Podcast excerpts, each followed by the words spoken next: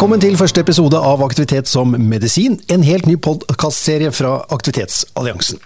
Jeg heter Lars-Erik Mørk og er kommunikasjonssjef i Gjensidigestiftelsen, som sammen med DNT, Skiforeningen, Syklistforeningen, Virke Aktiv Helse, Sportsbransjeforeningen og Rode utgjør de sju partnerne i Aktivitetsalliansen. Og jeg har med meg Anders Hall Grøterud, daglig leder i alliansen. Og Anders, siden 2012 så har vi prøvd å bidra til mer fysisk aktivitet. Vi har det, og vi er jo veldig positive, vi altså. Men uh, samtidig, det er et sørgelig faktum at det er uh, ganske mange som ikke er så aktive. Uh, selv om det òg er de som er flinke til å gå på tur og gå på ski og sykle og trene, så er det altfor mange som sitter på rumpa, og som befolkning så sitter vi oss syke. Det er faktisk virkeligheten. Ehm, de siste åra så har vi forsøkt å jobbe imot dette, så vi jobber for å fjerne hindringer og legge til rette for eh, mer fysisk aktivitet. Og det gjør vi gjennom å informere, vi forsøker å uh, inspirere og være i dialog med politikerne og heie på befolkningen der vi ser at det er gode løsninger. Og vi har bidratt med tips, vi har bidratt med råd, og vi gir innspill til planer på folkehelsepolitikk og tiltak. Og et av temaene, temaene, som vi har jobbet mye med, det er jo nettopp aktivitet som medisin. Og i denne første utgaven av podkasten med samme navn, så skal vi naturligvis aller først belyse hva som ligger i nettopp aktivitet som medisin. Og vi har eh, kalt inn hele Norges aktivitetslege, Ole Petter Gjelle, fastlegen fra Åsgårdstrand, som ble kjent for nasjonen da han tok med pasientene sine på treningsturer.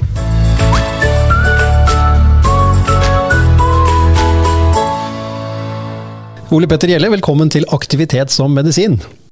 Takk skal du ha. Du, hva vet vi egentlig om aktivitet som medisin? Altså hvor effektivt er det?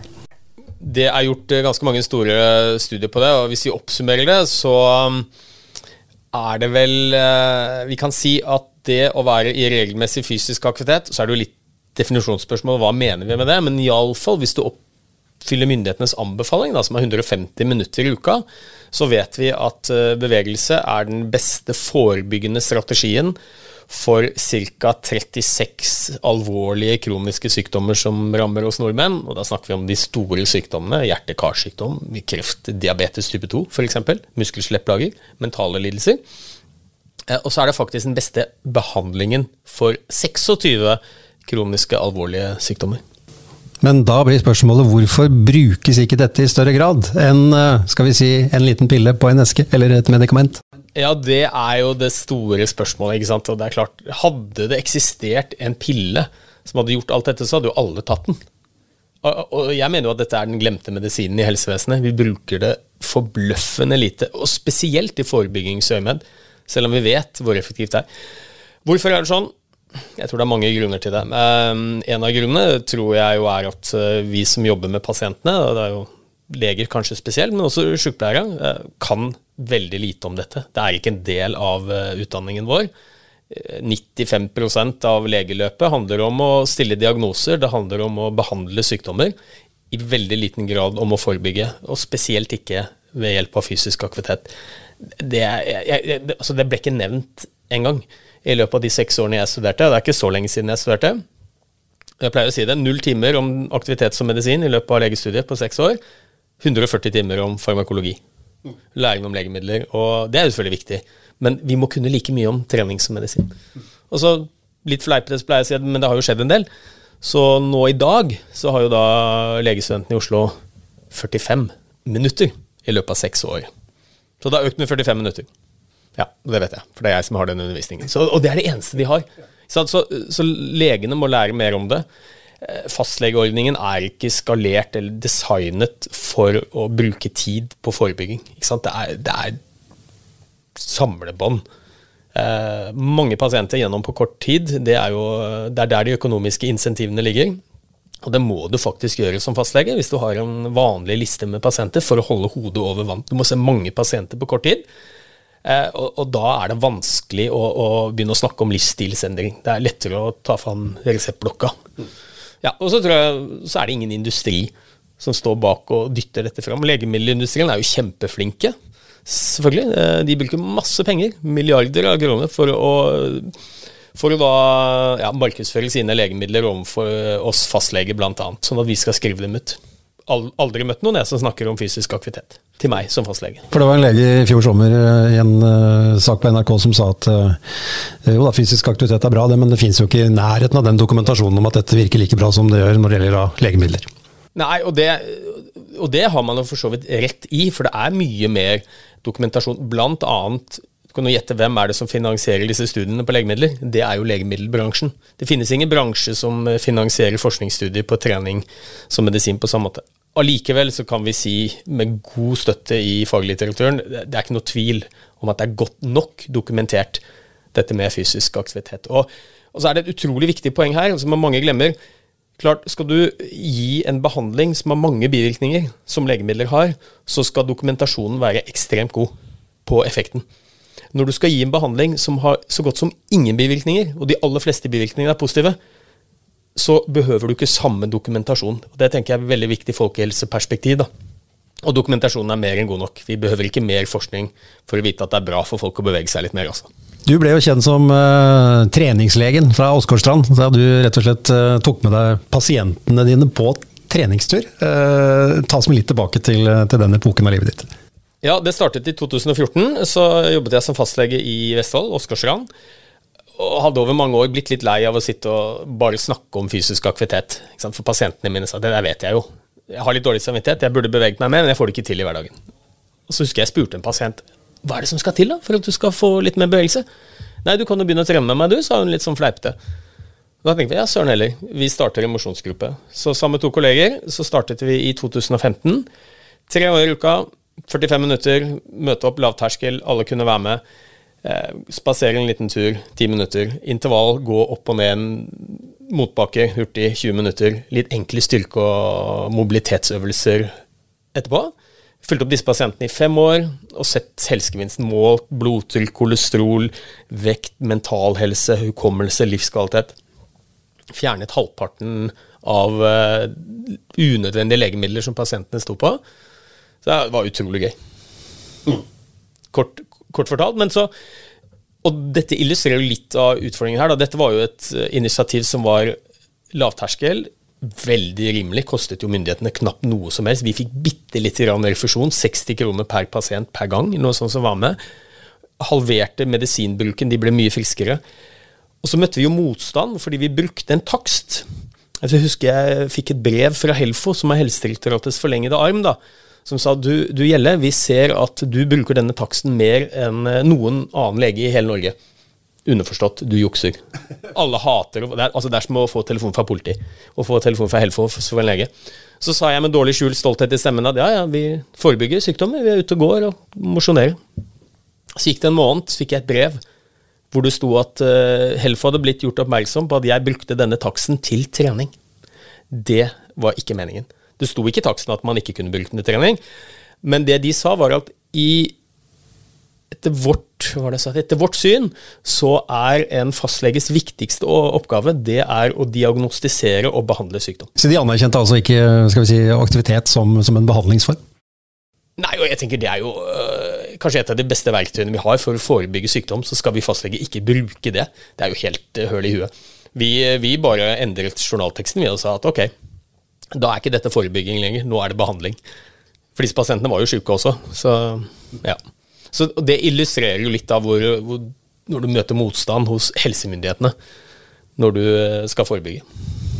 Men det har skjedd ting der, Anders. Vi har jo da gjennom Aktivitetsalliansen vært en pådriver for, for, noe av dette arbeidet. altså Sette aktivitet som medisin på dagsorden, men også skal vi si, stille spørsmål med hvorfor det er slik som Ole Petter her beskriver.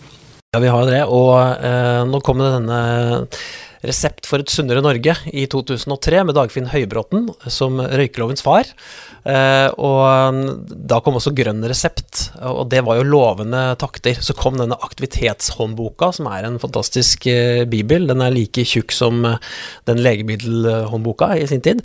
Og da handlet det om, når du er hos legen, å få legen til å plukke fram den boka, da, og bruke den litt oftere enn å skrive ut legemidler. Så fant vi ut i samtale med Helsedirektoratet, det var vel i 2015, at uh, den boka var ikke sendt ut på årevis. Så det viste seg at det var uh, mange hundre leger, ikke minst de nyutdannede, som ikke hadde den boka. Og som Ole Petter sa, de hadde jo heller ikke hatt dette her på skolen.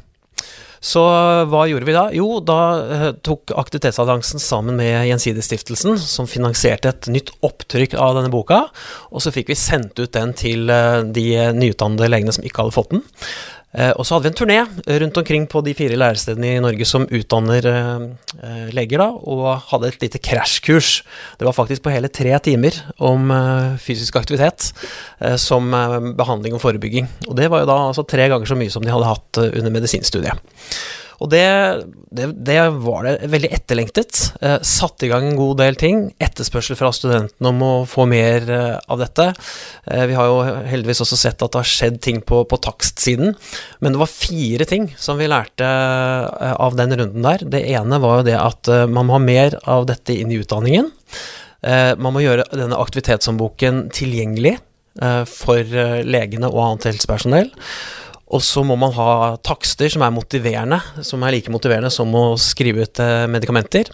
Og det siste, kanskje aller viktigste, man må ha en oversikt i lokalmiljøet sitt om hvor du som lege kan sende pasientene dine til et uh, lokalt treningssenter, en frisklivssentral, en gågruppe i regi av DNT osv., slik at du vet at her vil det uh, på en måte medisinen bli tatt.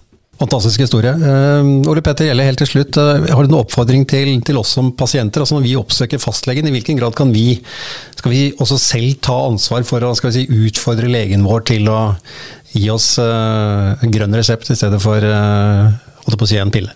Ja, det tenker jeg absolutt. Og det syns jeg ikke man skal være redd for. Og det har jeg merket i økende grad hvis du går til legen din, eh, og spesielt hvis du har eh, det vi kaller en livsstilssykdom, om det er høyt blodtrykk, høyt kolesterol, kanskje har du hjerte-karsykdom, eh, diabetes type 2, hva det måtte være for noe, og du ble anbefalt et legemiddel, så ville jeg uansett altså sagt finnes noe alternativ. Må jeg begynne på disse medisinene? Hva med f.eks. fysisk aktivitet? Og pasientene er jo mye mer opp opplyst i dag ikke sant, pga. internett. All informasjon er tilgjengelig, og vi må tørre å stille litt krav til legen også. og vi gjorde en undersøkelse i fjor hvor vi så på flere tusen pasienter som var innom en vanlig legepraksis. Og Så kartla vi aktivitetsnivået deres med et spørreskjema. Og de som ble definert som inaktive, det var rundt 75% av alle, speiler jo befolkningen som sådan, eh, de ble stilt et spørsmål til. Har du et ønske om å bevege deg litt mer, og trenger du hjelp fra fastlegen? 86% sa ja, vi har lyst å bevege oss litt mer, vi trenger hjelp. Og vi vil gjerne ha hjelp fra fastlegen. Så det er en oppfordring til, eh, til fastlegene, men også til pasientene, å spørre om hjelp. Jeg, kom på, når du snakker nå, at um, det er jo også uh, fire av fem som ser fastlegen sin i løpet av et år. Og er det noen vi hører på, så er det jo nettopp fastlegen vår. Uh, mye større grad enn kampanjer. Uh, så det tenker jeg er en unik mulighet for fastlegen til å være en sånn ambassadør, og en som virkelig kan påvirke og få til endring.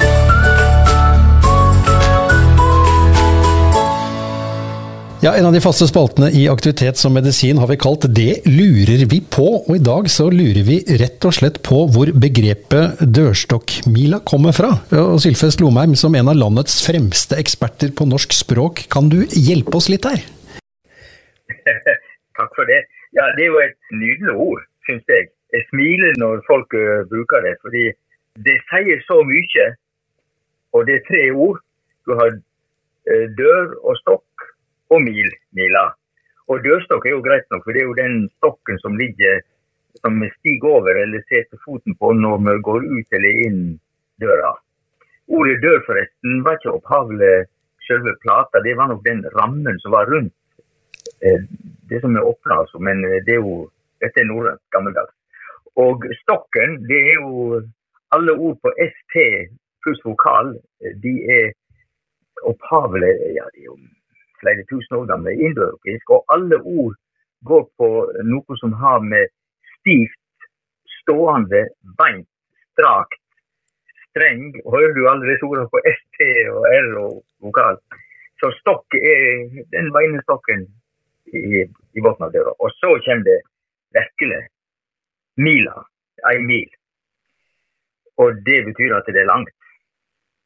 Og det betyr igjen at eh, av og til så skal det være eh, Du må ta det sammen. Altså det, det, er et langt steg å komme seg ut. Og de som skal trene av og til, eller ute og trimme, av og til så er dørstokkmila veldig lang. De kommer seg ikke ut så lett. Vet vi noe om uh, opprinnelsen her, altså når det blir tatt i bruk uh, første gang? Nei, det og som tilfellet ofte er, så kjenner ikke vi når et ord blir tatt i bruk. Men selve ordet forteller meg at eh, dette er ikke så gammelt. Og den hjernen som har laga det, har hatt god sans for ord og en viss humor. Så hvis jeg skal tippe, så er det ikke engang fra 1800-tallet. Jeg tipper det er 1900-tallsord. Fordi at på 1800-tallet så var ikke de så opptatt av slike tanker som du og jeg og de som hører på oss, vet ligger under uttrykket eh, dørstokkmila. Så dette er et ganske moderne ord. Og så vidt jeg vet, så bruker de det ikke i dansk, kanskje heller ikke i svensk. Og da lander vi på at dette er et norsk ord. Så for en gangs skyld, godt jobba den norske kvinne eller mann som har fått det til.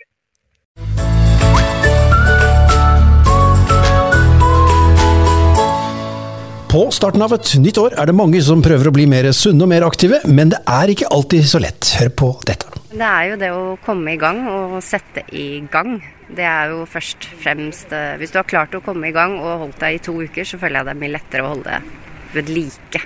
Så det er det å um, ta det aktive, bevisste valget om å sette i gang. Eh, det er nok tidsklemma, eh, med barn som skal kjøres hit og dit. Og da å være flink til å benytte når de barna f.eks. er på trening og trener sjøl. Det kan være et godt tips. Det prøver i hvert fall jeg har fått til. Det er tidsklemma. Særlig om vinteren. Krever mye fra en mann å komme seg ut av døra og holde på med alt det man skal gjøre. Men man prøver å få det til, da. Det er vel for de aller fleste tid. Det å prioritere og, og få trent. Eh, eller få komme seg ut og, og Så som småbarnsfar så er jo helt klart tid den største begrensninga. Ja, det er lett å kjenne seg igjen, men uh, hvorfor er det egentlig slik?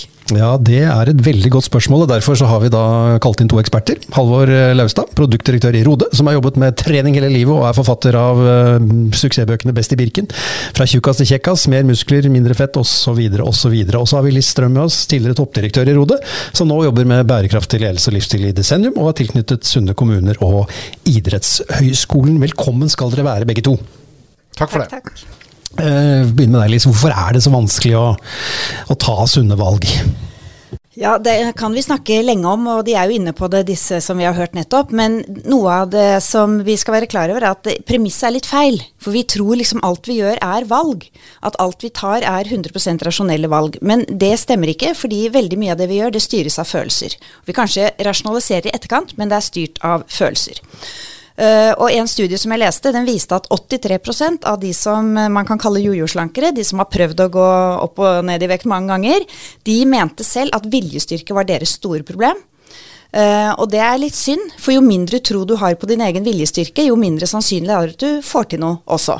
Og det er nemlig ikke riktig, for det er mange andre faktorer som er mye viktigere. Som for eksempel?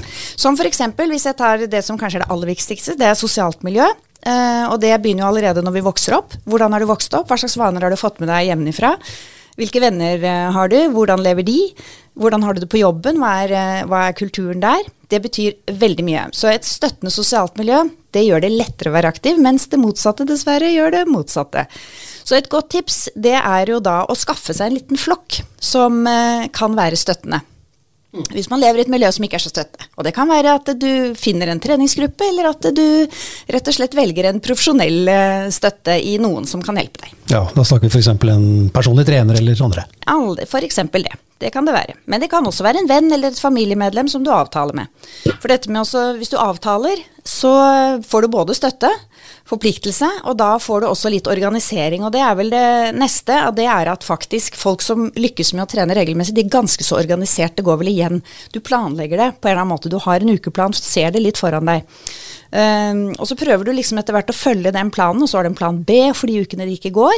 Og så etter hvert som du har fulgt liksom plan A og plan B en stund, så vil du merke at det begynner å falle mer naturlig, og det var de jo også inne på. Ja, vi hørte, hørte det lille Banelvard si at det var liksom dette med tidsklemma. ikke sant? Altså finne, finne, tid til å gjøre ja. disse aktivitetene, det var vanskelig. Jeg tror vi som har jobbet lenge med trening og aktivitet, vi kan være litt sånn hånlige på at ja, tids, alle har tid til å trene, men det er faktisk ikke helt riktig. Altså folk, det er mange som har fryktelig travle liv, og det da å finne de små lommene som gjør at du kan være litt aktiv innimellom, det er det som eh, vil funke for mange.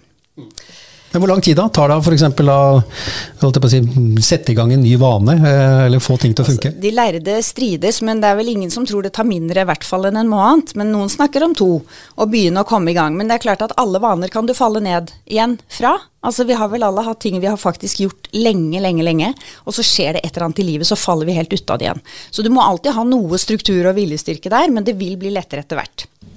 Jeg, jeg, kan legge til at jeg tror du må i hvert fall ha vært igjennom en ferie, eller høytidsperiode i hvert fall, for å kunne se om den nyetablerte vanen holder etter det. Da har du i hvert fall en pekepinn på om det her er bærekraftig. Ja, Så det, så det er lakmustesten på en måte? Ja, jeg vil si det. Altså Klarer du en sommerferie med et snev av aktivitet eh, som passer til resten av ferien, så har du nå klart å begynne å etablere en vane. Og ikke bare hverdagsvanen eh, din, men det som faktisk skjer når du har helt fri òg.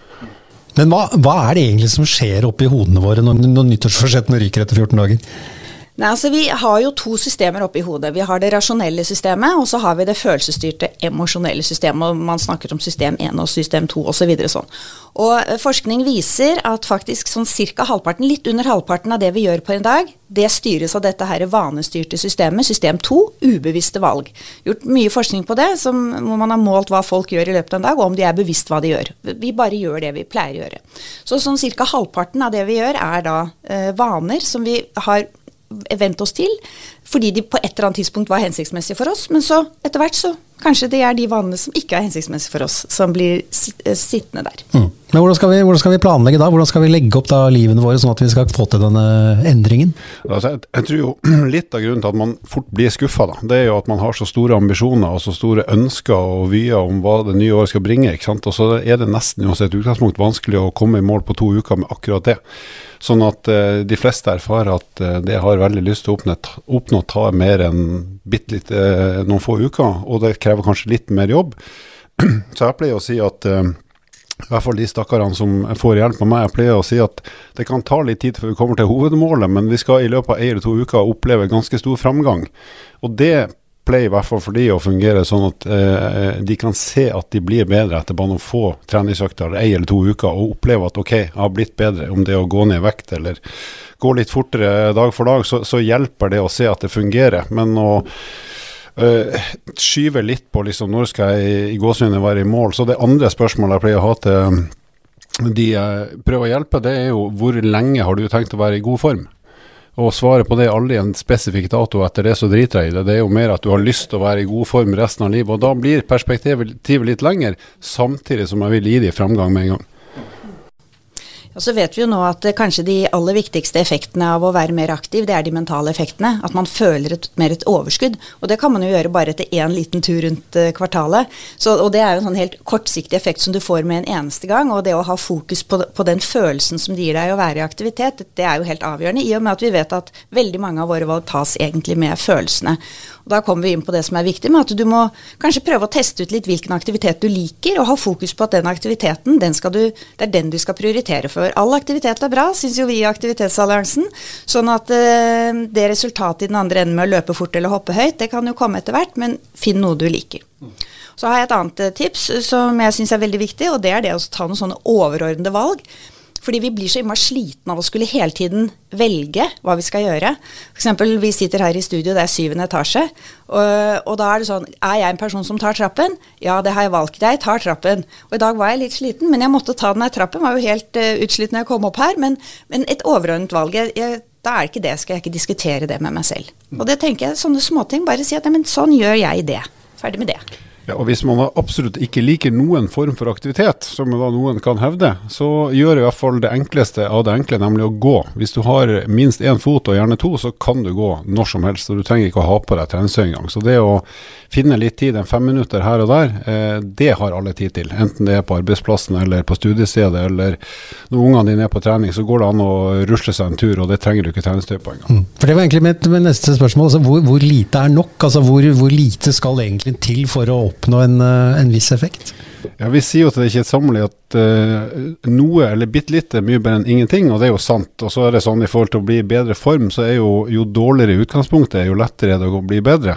Ikke sant? Uh, så hvis vi tar utgangspunktet at de fleste i Norge ikke er i kanonform, så skal det jo relativt lite gåing til for å komme i en ålreit form og få ei helse som gjør at livet ditt kan bli ganske trivelig døgnet rundt, og både helg og hverdag. Så jeg ville sagt hvis du klarer å stable sammen 30 minutter med gåing per dag, og så at du gjerne går litt fort, iallfall ti av de minuttene, uten at du trenger å bli svett, så har du kommet et godt stykke på vei til bra helse. Mm. Vi har jo da, mm, som en av skal vi si, eh, oppgavene våre gjennom et år, eh, valgt å bistå Helsedirektoratet i det som de kaller for Styrkeuka, som da retter fokus mot at styrketrening det er, eh, det er viktig. Fordi muskler er ferskvare, og det trengs å trenes, spesielt når man da blir godt voksen. Gåing funker jo, men hva med styrke? altså Hvor viktig er det? Jo, det for, i, Som et helseparameter er det for så vidt viktig, men det viktigste er jo hjertet ditt, for det må på en måte slå hele livet. Eh, sånn er det bare. Så gåing er pri én, eller jogging hvis du vil det. Men eh, det er også smart å ta vare på musklene så du blir robust og tåler en liten støyt, særlig når det er vinter og du skal skli rundt og gå på trynet og sånn. Så jeg ville sagt helt enkelt hvis du kan ta pushups enten eh, på tærne eller knærne eller inntil veggen, hva som helst, et par ganger i uka, og også gjort noe knebøy, selv om du går, så gjør noe knebøy med egen kroppsvekt, eller en sekk, eller ungen din, eller kjerringa, eller gubben, eller hvem som helst, som vekt. Et par ganger i uka, det, og så kan du ta styrketrening som varer ti minutter to ganger i uka. Da har du trent så å si alle de store muskelgruppene nok til at du sannsynligvis tåler en liten smell, ikke en kjempesmell, men en liten smell, og, og har litt sånn kapasitet til å gjøre noe ekstra enn bare det vanlige. Det er jo veldig godt å høre, da. At vi kan klare oss med det. Jeg tenker jo også Der er det jo nettopp det Vi er jo mange som vet det, men som allikevel av en eller annen snodig grunn ender opp med ikke å få gjort de der pushupsene. Og da tenker jeg at det i forhold til vaneforskningen og hva som etablerer vaner, så er det jo også noen triks der. Og det er jo også koble den nye vanen på en vane du allerede har fra før, noe som du gjør alltid. Så hvis du f.eks. bestemmer deg for uh, at hvis du uh, rett etter at du har lag, spist middagen, og før du begynner å drive og styre og rydde kjøkkenet, så, set, så tar du rett og slett de der pushupsene på kjøkkenbenken. Eller no, altså det var kanskje et dårlig eksempel, men koble den nye vanen på en gammel vane, så viser jo forskningen at det er mye lettere å huske på det. fordi det er kanskje ikke det at du tenker at nei, i dag driter jeg i å ta de der eh, knebøyene. Det er bare at du går, plutselig så ligger du i sengen på kvelden men jeg glemte det i dag òg. Og da har du liksom ikke lykkes å smette den eh, nye vanen inn i hverdagen din. Og Som et eksempel på det du sier, Liss, så kan jeg si at uh, min sære ferievane, da, sommerferie, det er at hver gang jeg skal ha meg en kaffekopp, og det er fire-fem ganger per dag, så tar jeg pushups mens kaffen blir laga i kaffemaskinen. Og det er, blir ca. 10-11 pushups hver gang. Og da har jeg fått brukt tida istedenfor å se på den kaffedråpene som drypper ned, så har jeg tatt 10-11 eh, pushups. Jeg, jeg vet at det er sært, altså, men det er iallfall en enkel måte å gjøre noe med det på. Mm. Anders, vi snakker gjerne om at uh, når vi da prøver å formidle denne, denne, kunnskapen om aktivitet som medisin, så, så, når vi jo på en måte kanskje ikke de som trenger det mest, uh, men vi når flinkisene. Uh, men ut ifra det Lise og Halvor har sagt her, så, så, så, burde det jo som terskelen for å på en måte komme seg opp av sofaen, altså flytte den der prosenten fra, fra noen og 70 prosent som ikke følger statens anbefalte tips for, for fysisk aktivitet i løpet av dag, til å, til å bli litt bedre? Ja, når jeg hører eh, det de sier her, så blir jeg ganske sånn optimistisk på eh, manges vegne, og at terskelen ligger ganske lavt, egentlig. Det er jo bra å høre. Og ja, man har jo lest forskning som viser at bare ett minutts anstrengelse kan gi utslag som er positivt på helsa. Jeg er jo opptatt av dette med at eh, den beste aktiviteten eller treninga er den du faktisk får gjort. Og at det kan være ganske lite, sånn som vi har sett eksempler på her. Kanskje bare komme seg ut ti minutter på kvelden og gå en liten tur uh, rett utafor døra di. Uh, kan være det du får til den dagen, vil være veldig mye bedre enn ingenting. Og um, nå har jeg drevet og studert på idrettshøyskolen, og det husker jeg Da var det liksom het seg at all trening som var under en halvtime, det, det telte liksom ikke. Men eh, de siste 15-20 åra så har min favorittøkt det har vært å jogge 17 minutter. eh, En løype som jeg har. Og det er egentlig det jeg har bygget en helt ålreit form på. Så det er fint mulig å, gjøre mye mindre enn det som man liksom tror. Og så vil jeg slå et slag for de som, eh, inkludert meg sjøl, som er av og på. Som faller ut av vanene i ferien sin og sånn. Og jeg tror det er egentlig det vanlige. Altså, jeg tror det må være helt ålreit. Uh, greia er å komme i gang igjen. Det er, ingen, det, er ingen, det er ingen skam å på en måte gå på en litt sånn eh, en svart periode. Nei, og det er jo noe med dette med plan A og B og C, ikke sant. Og kanskje hverdagen er annerledes enn helgen, og så er ferien annerledes enn der. Og sommerferien kan jo være annerledes enn juleferien igjen, ikke sant. Og, som Anders sier, veldig enig i det. Og ta noen realistiske da, liksom, Lage seg en sånn realistisk målsetting, og ikke bli så innmari misfornøyd med seg selv hvis ikke det går. Og at det å trene regelmessig, som man snakker så fint om, det er i perioder kan man få det til, i andre perioder er det kanskje litt vanskelig, og da skal man ikke bli for streng med seg selv. Det tenker jeg, og det er jo noe med aktivitet som medisin. Da er det jo mange fine analogier man tar der med den der medisinen, at den må være lett å svelge. Eh, Og i sin tid hjemme hos meg så vokste vi opp med tran og sandasol. Og det var jo ingen, ti, ingen tvil om det, at det var jo mer lystbetont å ta den der sandasolen, ikke sant. Så vi må jo få enhver til å finne den uh, treningsmedisinen som er sandasol. Jeg trodde det var appelsinjuice da jeg var liten. Det er det du skal tro om trening òg.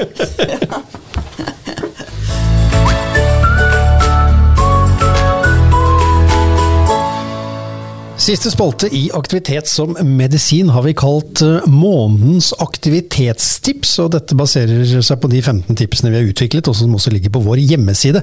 Og Anders, eh, hva vil du trekke fram i dag? Velg en aktivitet du liker. Det er ikke så nøye hva det er, så lenge du har lyst til å gjøre den. Og prøv gjerne forskjellige aktiviteter. Eh, til det så kan vi si at eh, vi vet fra undersøkelser at voksne de foretrekker aktiviteter som å gå tur hele året, gå på ski om vinteren, sykle, gjerne både til sport og transport, eller trene på treningssenter. Det er liksom eh, favorittene. Og så er det mange av oss som finner en aktivitet som vi trives med, eller som passer til det livet vi lever. At det er kanskje noe av det viktigste. Og for noen så kan det være å komme seg ut på tur med familien i helgene. Mens det for andre kanskje er å trene på et treningssenter hvor det faktisk er lyst og stabilt vær, selv på kalde og mørke vinterkvelder. Eh, Jeg tror det viktigste er å velge noe du kan like, helst mestre, og som er mulig å få gjort i det livet du lever. Gåing er jo noe som eh, kanskje er den, noe av det med lavest terskel. Og i en undersøkelse i fjor så spurte vi Aktivitetsalliansen 1000 mennesker hvordan de ville gå mer i hverdagen. Og da svarte 88 at eh, kveldstur var tingen. 75% ville ta trappen oftere, mens eh, 31 kunne tenke seg å gå en tur i lunsjen. Og så var det faktisk 15% som kunne tenke seg gående møter. Så da tenker jeg, hva med deg? Vil du gå mer i 2023? Eh, hvis du er i tvil, så kan du eventuelt prøve deg på såkalt silly walk. Noen husker kanskje Monty Pythons elleville serie Flying Circus fra 70-tallet, der skuespiller John Cleese drar i gang med et halsbrekkende ganglag som fikk publikum til å le seg halvt i hjel. Og nå kommer vi over en undersøkelse fra University of Arizona i USA, hvor professor Glenn Gesser har forsket seg fram til at dette ganglaget så forbrenner du faktisk to og en halv gang så mye som ved vanlig gåing. Samtidig så er det vel først og fremst variasjonen her i aktivitetsform som er bonusen. Men hvis du ikke kommer på en annen aktivitet, så kan du f.eks., hvis du har unger, prøve å gjøre akkurat det samme som de gjør når de leker.